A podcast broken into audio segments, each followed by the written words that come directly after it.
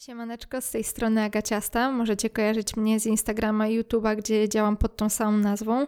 Witam Was w kolejnym podcaście. Dzisiaj wrócimy do trudnego tematu anoreksji i pogadamy sobie troszkę o tym, mm, dlaczego, jak mi się wydaje oczywiście, e, zachorowałam na anoreksję. Tak jak Wam mówiłam e, w pierwszym chyba odcinku, że jest tak, że rzeczywiście praktycznie każda nastolatka się odchudza, a tylko jakiś tam niewielki procent y, no, zapada w tą chorobę, popada w tą chorobę.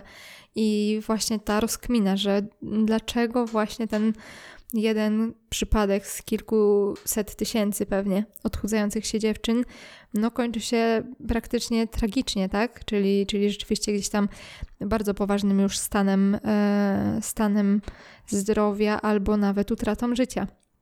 Jak to było u mnie.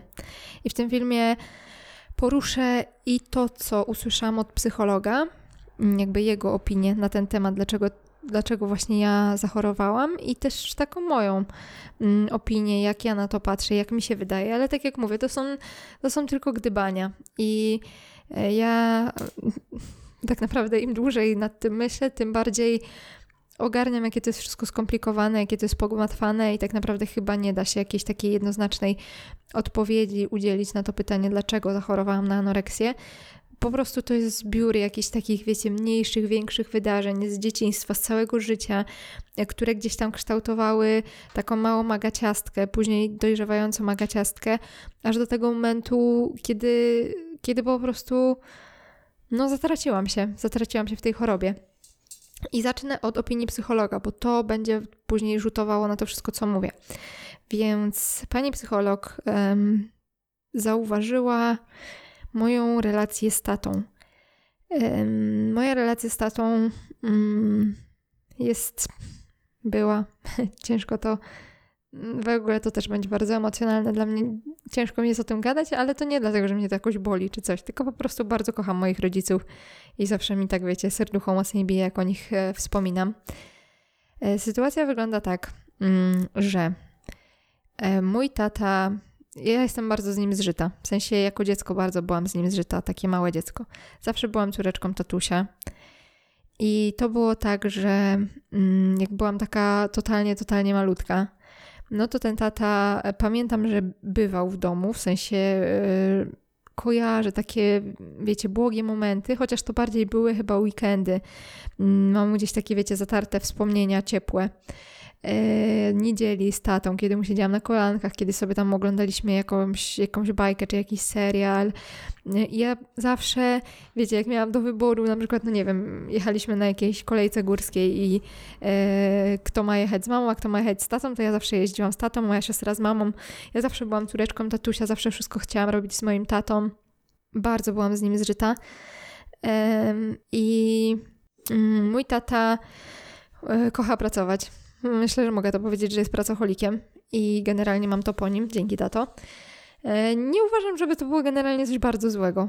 E, I jeśli potrafimy ten pracoholizm jakoś tak wyważyć, e, no to myślę, że więcej dobrego niż złego można z tym zrobić. Chociaż możecie się nie zgodzić, może też inaczej patrzymy na pracoholizm jednak, tak? Bo jeśli to jest takie rzeczywiste, prawdziwe uzależnienie, które rzutuje na bardzo wiele innych rzeczy, no to, to rzeczywiście jest problem. E, no ale tak, mój tata kocha pracować, nie potrafi żyć bez pracy i ja mam dokładnie to samo. Mm, I do, do tego doszła mm, powiedzmy trudna sytuacja, mianowicie taka, że mój tata był jedynym żywicielem e, rodziny, tylko z jego wypłaty się utrzymywaliśmy. E, była nas czwórka, bo byłam ja, moja siostra, mama i tata mm, i budowaliśmy dom. Rodzice zaczęli się budować, no i jakby wiecie, nie było jakoś rewelacyjnie z kasą. I, I tak naprawdę tych pieniążków nie było dużo, i tata po prostu chcąc, nie chcąc, musiał pracować bardzo dużo. I pamiętam, że jakby im byłam starsza, tym tata coraz więcej pracował, coraz mniej go było w domu. I ja mm, teraz, jak patrzę z perspektywy już dorosłej osoby, absolutnie nie mam do niego żalu. Generalnie nigdy nie miałam do niego żalu o to. Bo, bo rozumiałam to, że właśnie tata musi pracować po to, żebyśmy, żeby mama miała z czego zrobić nam obiad i tak dalej, więc ja nigdy nie miałam do taty o to żalu, a teraz jak jestem dorosła i sama zarabiam i sama wiem, no jak te pieniążki są jednak ważne, tym bardziej jeśli ma się rodzinę, małe dzieci, mm, więc jestem mu szalenie wdzięczna, że tak się poświęcił dla nas. No ale tego taty było w tym domu coraz mniej. Też ja z każdym rokiem byłam jakby coraz starsza, coraz więcej miałam takich zajęć poza domem, czyli no zaczęło się powiedzmy przedszkole, mm, więc coraz więcej czasu spędzałam e, właśnie tam z rówieśnikami, później już szkoła, wiadomo, że to wszystko gdzieś tam pochłaniało. No i tak leciały lata i jako małe dziecko czy jako nastolatka, wiecie, nie czułam jakby tego, że czegoś brakuje w tym życiu. W sensie, że po prostu przyzwyczaiłam się do tego, że no tata jest w pracy i że jak jest, no to jest wieczorami yy, albo, yy, albo jest w weekendy, tak? No i też wiecie, no nie wiem, nie wiem jak to było u was, jakby są różne też relacje z, z rodzicami. Ja raczej zawsze byłam bardziej w stronę rówieśników niż w stronę rodziców. Mm, wolałam właśnie spędzać czas z rówieśnikami niż z rodzicami i wiecie, dopiero teraz, jak jestem starym koniem i nie mieszkam z rodzicami, to tak bardzo za tym tęsknię i tak bardzo chciałabym ich mieć tak na co dzień, żeby się przytulić, żeby się po prostu im wygadać i w ogóle. Ale jako nastolatka, no to wiecie, błogie życie i ci rodzice, e, to było takie przeświadczenie, że bardziej przeszkadzają, bo na coś tam nam nie pozwalają, niż rzeczywiście są potrzebni. Oczywiście to takie głupie nastoletnie myślenie, ale pewnie każdy z nas e, przez to przechodzi. Hmm, no i właśnie, i potem była ta anoreksja. I pani psycholog powiedziała mi coś takiego, że kiedy ja zobaczyłam, że zaczynam dojrzewać, czyli staję się kobietą z tego ciała dziecka, czyli tam jak miałam powiedzmy 14 lat i gdzieś tam zaczęłam powoli dojrzewać. Mm, zaczęłam dojrzewać dosyć późno, bo 14-15 lat to nie jest taki, wiecie, e, często dziewczyny już wcześniej dojrzewają, ale ja po prostu pewnie z uwagi na to, że zawsze byłam bardzo chuda, miałam mało tej tkanki tłuszczowej, więc też pewnie ten układ hormonalny gdzieś tam powoli sobie e, dochodził do tego, żeby zacząć dojrzewać. E, no i kiedy zauważyłam, że właśnie bardziej zmieniam się w kobietę, to to jest wszystko opinia psychologa, mówię tak jak ona to powiedziała to możliwe, że mm, nie chciałam się z tym pogodzić i że gdzieś ta podświadomość kazała mi to zablokować. Kazała mi zablokować dorastanie, bo moje uczucia, moja, moja psychika, moje gdzieś tam serce, rozum mm, pamiętały cały czas te błogie czasy tego, kiedy ten tata był, czyli jak ja byłam malutka, kiedy ja byłam dzieckiem i jakby bycie coraz starszą wiązało się z tym, że tego taty było coraz mniej i że właśnie ta podświadomość mogła mnie kierować tak, że ja nie chciałam się na to zgodzić.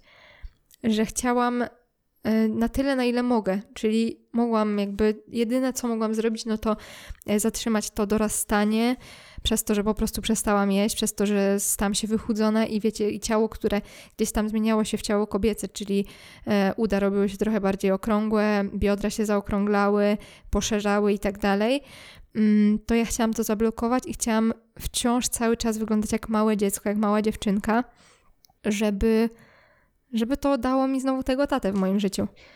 Tak mocniej, częściej. Mm, I to to jest jedyna rzecz ogólnie przez całą moją e, psychoterapię, którą, która trwała chyba 3 lata i miałam psychologów mnóstwo, to to jest jedyna rzecz, która wydaje mi się, że usłyszałam coś sensownego. I rzeczywiście często o tym myślałam wtedy na świeżo i teraz też często o tym myślę. I wydaje mi się, że może to być właśnie jedna z tych wszystkich takich składowych, które na to wpłynęły, że no, że rzeczywiście ten tata jest bardzo ważną dla mnie osobą i i utraciliśmy gdzieś tą taką swobodną relację mm, przyjacielską, kumpelską. Wiecie, mimo że, się, że wiem, że tata bardzo mnie kocha i bardzo wiele dla mnie robi, ja też bardzo go, go kocham i jakby zrobiłabym dla niego wszystko, to nie ma tej takiej, takiej relacji, wiecie, właśnie przyjacielskiej, takiej, jaką chociażby mam e, właśnie z mamą na przykład. I, I może tak było, że ja gdzieś rzeczywiście chciałam do tego wrócić i robiłam to oczywiście nieświadomie. Wszystko, bo jak, y, jak zaczęłam się odchudzać, to ej, nie robiłam tego po to, żeby, mm, żeby tata do mnie wrócił, tak? No bo to tak nie działa. Nie, nie miałam tego w ogóle w głowie, w planach i w ogóle nie wiedziałam, że to może mieć, być z tym związane. No, ale zostawiam to Wam, y, jak myślicie.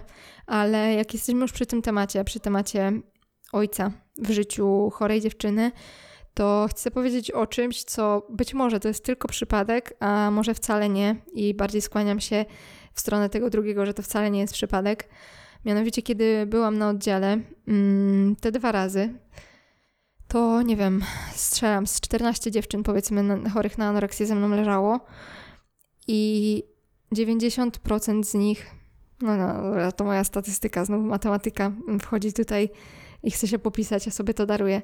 W każdym razie większość z nas, dziewczyn tam na oddziale, miała jakąś zaburzoną relację z ojcem. I ja nie mówię, że to była relacja patologiczna, bo moja relacja z tatą też nigdy nie była w żaden sposób patologiczna. E, I jakby wiecie, było, można powiedzieć, że okej, okay, tak? Bo ten tata dbał o nas, kochał nas, nigdy nie robił nam krzywdy, e, zapewniał wszystko, żebyśmy mogli się spokojnie, dobrze rozwijać. Mm, wiecie, mogłam się do niego przytulić i tak dalej. No tylko problemem był ten czas, którego tak mało dla siebie mieliśmy. E, ale dziewczyny na oddziale, tak, dwie, z tego co pamiętam, mm, niestety były bez taty. Jednej tata zmarł, kiedy ona miała 7 lat. E, od drugiej e, tata odszedł, w sensie zostawił jej mamę, kiedy, kiedy była malutka. Mm, więc tego ojca w ogóle w tym życiu praktycznie nie było, w tym życiu takim powiedzmy poza dzieciństwem. E, kolejna mm, dziewczyna miała bardzo, bardzo trudnego ojca, który, który był wysoko postawionym człowiekiem, bardzo bogatym człowiekiem i na bardzo wysokim właśnie stanowisku i totalnie sobie nie radził ze stresem i potrafił w jeden dzień być najlepszym tatusiem i przynosił jej drogie prezenty, całował ją po czole i w ogóle obiecywał cudawianki. A następnego dnia e, potrafił zadzwonić i powiedzieć, że jej nienawidzi i że zrujnowała im życie, bo on nie może się niczym innym zająć, tylko musi jeździć do niej do szpitala. E, potrafił ją uderzyć i, i tam było naprawdę ciężko. Mm, zaś jedna dziewczyna miała na przykład w drugą stronę, że jej tata był tak nadopiekuńczy, że wręcz dziwnie się czułyśmy, jak byłyśmy na sali, kiedy on do niej przychodził, bo to ja nie chcę tutaj y, gdzieś tam snuć jakichś domysłów, że to była jakaś taka relacja seksualna, że ten ojciec tą dziewczynę w jakiś tam sposób seksualny wykorzystywał, ale no traktował ją jak małe dziecko. Wiecie, to była 16-letnia dziewczyna i ona siedziała u tego taty na kolanach, on ją gładził po włosach. No wiecie, rozumiecie o co chodzi, że to trochę gdzieś tam dziwnie wyglądało. I, I tak jak mówię, nie chcę narzucać, bo mam nadzieję, że nic tam się złego nie działo między nimi, mm, ale no ta relacja nie była do końca normalna. I, I tam kolejne przypadki, które gdzieś tam właśnie e, tego ojca praktycznie nie było w domu, na przykład pracował za granicą i tak dalej, i tak dalej. I no to dało mi taką podstawę, żeby gdzieś się dopatrywać jednak tej istotnej, bardzo istotnej roli ojca w życiu dziewczyny, bo zawsze sobie tak myślimy, że e, dobra, chłopiec to musi mieć wzorzec ojca, a dziewczyna to musi mieć wzorzec matki, tak? Że to jest jakby takie, że się wzorujemy, ale, ale tak naprawdę guzik prawda. Po to mamy właśnie ten model rodziny, w sensie jest dwójka tych rodziców, tata i mama, bo każdy z nich jest szalenie ważny dla dziecka, bo jedno buduje, nie wiem, mm, takie poczucie bezpieczeństwa, ciepło, czułość, drugie buduje poczucie własnej wartości. E, no nie wiem, ale pewnie możecie to zauważyć, że jeśli są, mm, tu już nawet pomijam temat zaburzeń odżywiania, ale jeśli spotykamy naszych znajomych, mm, którzy na przykład wychowali się bez jednego z rodziców, to zawsze oni dużo bardziej przejmują cechy tego jednego i są tacy, wiecie, bardzo skrajni w jedną albo w drugą stronę. Na przykład, kiedy chłopaka wychowywała e, tylko jego mama i na przykład siostra, on może mieć skłonności do tego, że mm, nabiera więcej takich cech kobiety, w sensie jest bardzo wrażliwy, bardzo czuły. Ja oczywiście nie mówię, że e, mężczyzna nie może mieć tych cech, że to jest coś złego. E, nie powinniśmy się w żaden sposób wstydzić naszych uczuć, ale, ale wiecie o co chodzi, że się to nie środkuje, a kiedy jest dwójka tych rodziców i z dwójką tych rodziców jest dobry kontakt, to wydaje mi się, że ten młody człowiek ma taki mocny, trwały fundament do tego, żeby wzrastać i gdzieś cały czas jest właśnie taki wypośrodkowany, że nie ściąga go ani na jedną, ani na drugą stronę, tylko ta psychika jest tak unormowana, że po prostu radzi sobie w każdej sytuacji później.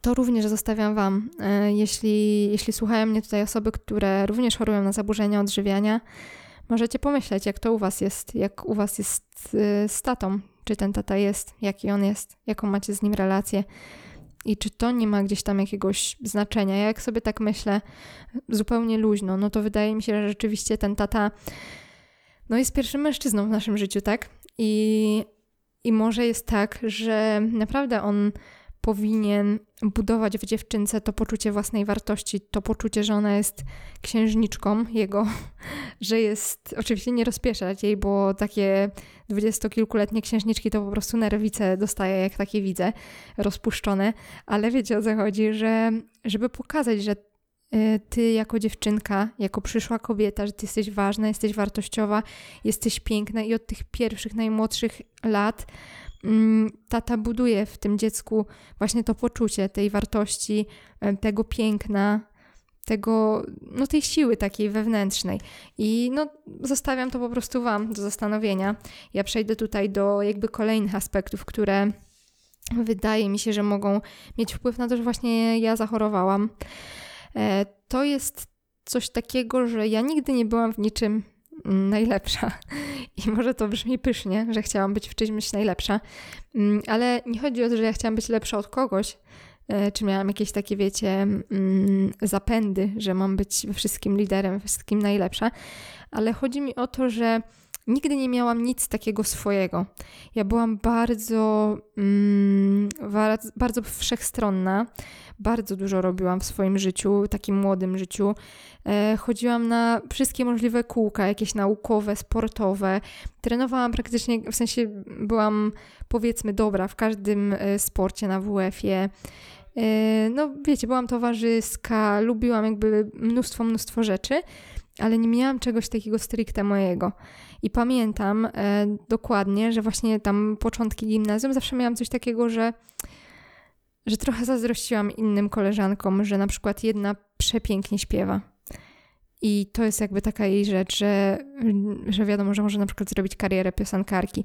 I mimo, że ja w ogóle nie wiem, czy o tym mówiłam, ale ja miałam swoją karierę w chórku szkolnym, kochani. A jakbym wam kiedyś zaśpiewała, chyba kiedyś, o może na jakiś taki jubileusz, jak na przykład będę miała rok podcastów, to zaśpiewam wam i wtedy stracę wszystkich w ogóle tutaj obserwatorów i słuchaczy. Totalnie nie umiem śpiewać, jestem takim antytalenciem, ale chyba były braki w chórku, dlatego mnie wzięli. No ale wiecie o co chodzi, że właśnie to nie było coś mojego. Na przykład inna koleżanka przepięknie grała na gitarze, i, i też gdzieś tam e, jeździła na jakieś konkursy i tak dalej, naprawdę się tym wyróżniała.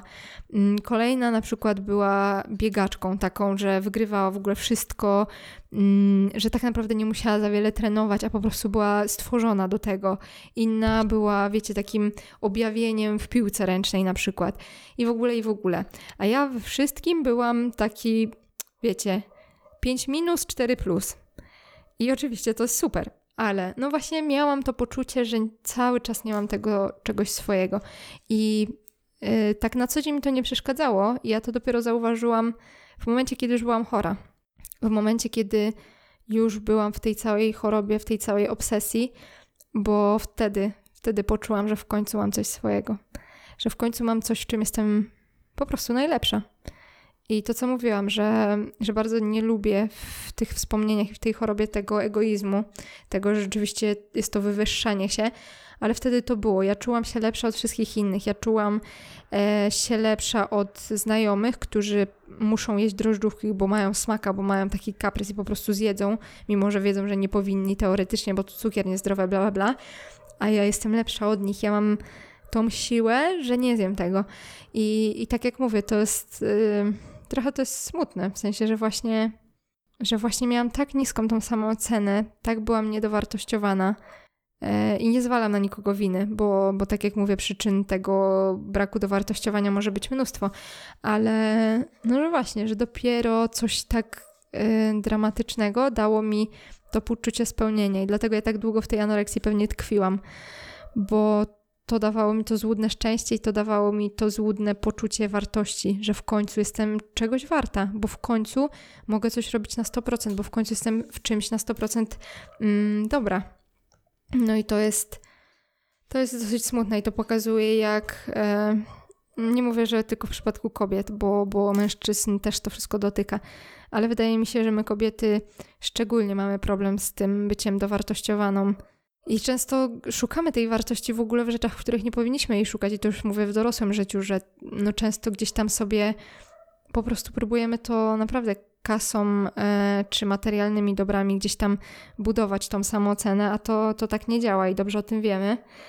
E, no i właśnie jeszcze dochodzę do, do trzeciej rzeczy, którą sobie zapisałam tutaj, czyli niska samoocena. Mm, niska samoocena, deska, chłopczyca, brak poczucia własnej wartości. Tak sobie dokładnie zapisałam i już tłumaczę. E, tak, ja byłam zawsze chłopczycą i o tym pewnie już wiecie, bo wielokrotnie o tym mówiłam, że byłam straszną, straszną chłopczycą. Wychowywałam się generalnie z kuzynami i dużo bliżej mi było do Dragon Balla, do grania w Tibie, do grania e, w CS-a i wszystkie możliwe inne gry, do kopania się, do chodzenia, mm, wiecie, ubranym jak taki, no właśnie jak taki chłopak, yy, młody chłopak w dresach, w, w luźnej, brudnej bluzie, w potarganych włosach i tak dalej. E, plus ten mój kompleks o którym, o którym mówiłam w odcinku, w którym poruszałam temat hejtu, e, czyli mój, mój biust. E, to, że byłam płaska jak deska. I ja to widziałam i dla mnie to był kompleks od samego początku i widzieli to moi rówieśnicy, którzy oczywiście jak to w gimnazjum, każdy każdemu musiał coś wytknąć, no i mi wytykali właśnie to, e, że jestem deską. I to gdzieś tam budowało ten kompleks jeszcze bardziej i, i załamywało mnie jeszcze bardziej. I to wszystko, właśnie te moje, te moje działania, czyli to, że ja właśnie sama nawet nie szukałam w sobie tej kobiecości, tylko ja jej przeczyłam. Jakby nie dawałam sobie w ogóle przyzwolenia na to, żeby być w jakiś sposób kobiecą. Ja też od, od ósmego roku życia słuchałam rapu i byłam w ogóle zafascynowana kulturą hip-hopu. I moja mama to potwierdzi, że e, od pewnego momentu ja chciałam tylko ogromne luźne bluzy, ogromne luźne koszulki. No i jak tam znajduję jakieś zdjęcia z, z gimnazjum, no to właśnie tak wyglądałam, jak taki mały raperek, 1,60 m wzrostu, 40 parę kilo wagi i wiecie, i koszulka 3XL, nie? To coś więcej niż rap na przykład. No, więc e, wyglądało to dosyć komicznie i ja gdzieś tam i tym ubiorem, i swoim zachowaniem cały czas broniłam się przed tą kobiecością. Nie chciałam w ogóle tego zaakceptować, ale z drugiej strony jednak e, coś we mnie walczyło. Wiecie, że na przykład mm, no, czułam potrzebę, żeby mieć ten biust, bo to był taki atrybut, atrybut kobiecości, to mi się z tym kojarzyło. I też miałam w swojej głowie takie ideały kobiecości, ideały piękna, które nie wyglądały jak ja wtedy nie nosiły, wiecie, dużych koszulek, nie wyglądały jak ja, tylko to były seksowne, pewne siebie, pewne swojej kobiecości, pewne swojego ciała kobiety. No i miałam to takie zderzenie dwóch wyobrażeń o sobie samej. Tego, że ja chciałabym wyglądać jak taka właśnie kobieta z obrazka, a z drugiej strony byłam taką akaciastą, która jest właśnie zakryta tą ogromną bluzą i która tak naprawdę nie czuje się w żaden sposób kobietą, kobieca, wiecie. Yy, I no tutaj mogłabym się rozgadywać teraz o jakichś tam relacjach e, damsko-męskich i to wszystko jakby było ok, uważam, bo miałam, wiecie, i chłopaków w podstawówce, i chłopaków w gimnazjum i to nie tak, że, że miałam tutaj jakieś problemy z, no, z, z tymi tematami e, damsko-męskimi, chociaż jak sobie przypomnę, wiecie, te związki z podstawówki, to ciężko to nazwać jakąkolwiek relacją. No ale na gadu-gadu, co się pisało, to się pisało. Pewnie dobrze pamiętacie. No i to wydaje mi się, że gdzieś to wszystko, to wszystko, o czym tutaj mówię, i pewnie jeszcze 50 e, innych rzeczy, o których nie mam zielonego pojęcia, to wszystko gdzieś tam zebrało się w jedną całość i się tak skumulowało po prostu. I sprawiło, że, że ta anoreksja w końcu gdzieś tam dała to poczucie takiego spełnienia, to poczucie, to poczucie dowartościowania się, to poczucie bycia dobrą w czymkolwiek. Mm, też ta anoreksja była taką obietnicą mm, bycia idealną, Czyli właśnie to moje schudnięcie o rzekome 3 kg miało sprawić, że ja będę idealna, że ja będę właśnie kobieca, że wiecie, będę się podobać chłopakom, facetom i w ogóle będą się za mną oglądać. Mm, no i właśnie w tym wyglądzie ja szukałam, szukałam tego szczęścia, szukałam tej akceptacji, akceptacji innych osób i akceptacji samej siebie. I to mnie wszystko gdzieś tam pogubiło i to, że, że tej wartości swojej nie czułam, nie miałam jej. Mm, no od dawna, nie? Nie pamiętam, żebym właśnie miała takie coś, że, że się czuję fajna. Yy, ale też ja nie byłam smutnym dzieckiem, bo to teraz tak może brzmi, brzmieć, że ja byłam właśnie taka zamknięta yy, i że w ogóle cicha myszka. To nieprawda, bo ja byłam zawsze bardzo towarzyska, bardzo otwarta. Ale mówię o tej samej takiej sferze, wiecie, jak już nie było znajomych, tylko byłam ja sama ze sobą. To nigdy nie, nie pomyślałam, że nie wiem, jestem atrakcyjna, ładna, wartościowa, mądra, dobra w czymś i tak dalej. Nigdy, nie, nigdy chyba nie wyrażałam się o sobie w taki dobry, przychylny sposób. No, a anoreksja w końcu, w końcu sprawiła, że miałam o czym ze sobą gadać, że miałam siebie samą za co podziwiać. I, i właśnie to była ta obietnica, że, że jak schudnę 3 kg, to będzie idealnie i że znajdę wtedy tą kobiecość. No. I jestem ciekawa, co wy o tym wszystkim myślicie, bo ja wiadomo, że nie patrzę już tak obiektywnie na to, no bo to dotyczyło wszystko mnie i, i gdzieś tam wiele razy już to wszystko myślałam, więc pewnie o tym wszystkim myślałam, więc pewnie mam już jakieś takie tory, e, którymi zawsze idę i może nie widzę rzeczy, które wy zauważycie. Mm, mam nadzieję, że nie było nudno. Mam nadzieję, że wam się podobało. Jestem bardzo ciekawa, mm, no co wy właśnie o tym myślicie? Jak to wyglądało u was? Mam nadzieję, że nie ma tu wielu osób, których to wszystko dotyczy. Mam nadzieję, że coraz mniej będzie tych osób, chociaż no wszystko wszystko niestety działa tak, że wydaje mi się, że będzie teraz coraz, coraz więcej tego, bo coraz mocniej nas atakują te ideały piękna, do których dążymy. No i właśnie jeśli do tego, mm, że my jako młode dziewczynki, 13-14-letnie, nie czujemy się dowartościowane, a z każdej strony napływają na nas obrazy, komunikaty, jakie my mamy być, i my dążymy do tego, a nigdy do tego nie dojdziemy, bo to są komunikaty, które są wyfotoshopowane, podkoloryzowane i w ogóle, i w ogóle, no, no to pierdzieli się w tych główkach. I ja Wam życzę, żeby Wam się nie pierdzieliło w główkach, żebyście budowali to swoje poczucie własnej wartości na czymś innym, nie opierali go na swoim ciele, na swoim wyglądzie, bo to jest wszystko bardzo, bardzo nietrwałe. I pamiętajcie, że wygląd można zmieniać i obecnie Mm, medycyna, chirurgii, medycyna estetyczna i chirurgia plastyczna, to chciałam powiedzieć, e, no są tak zaawansowane, że serio możemy sobie zmienić wszystko.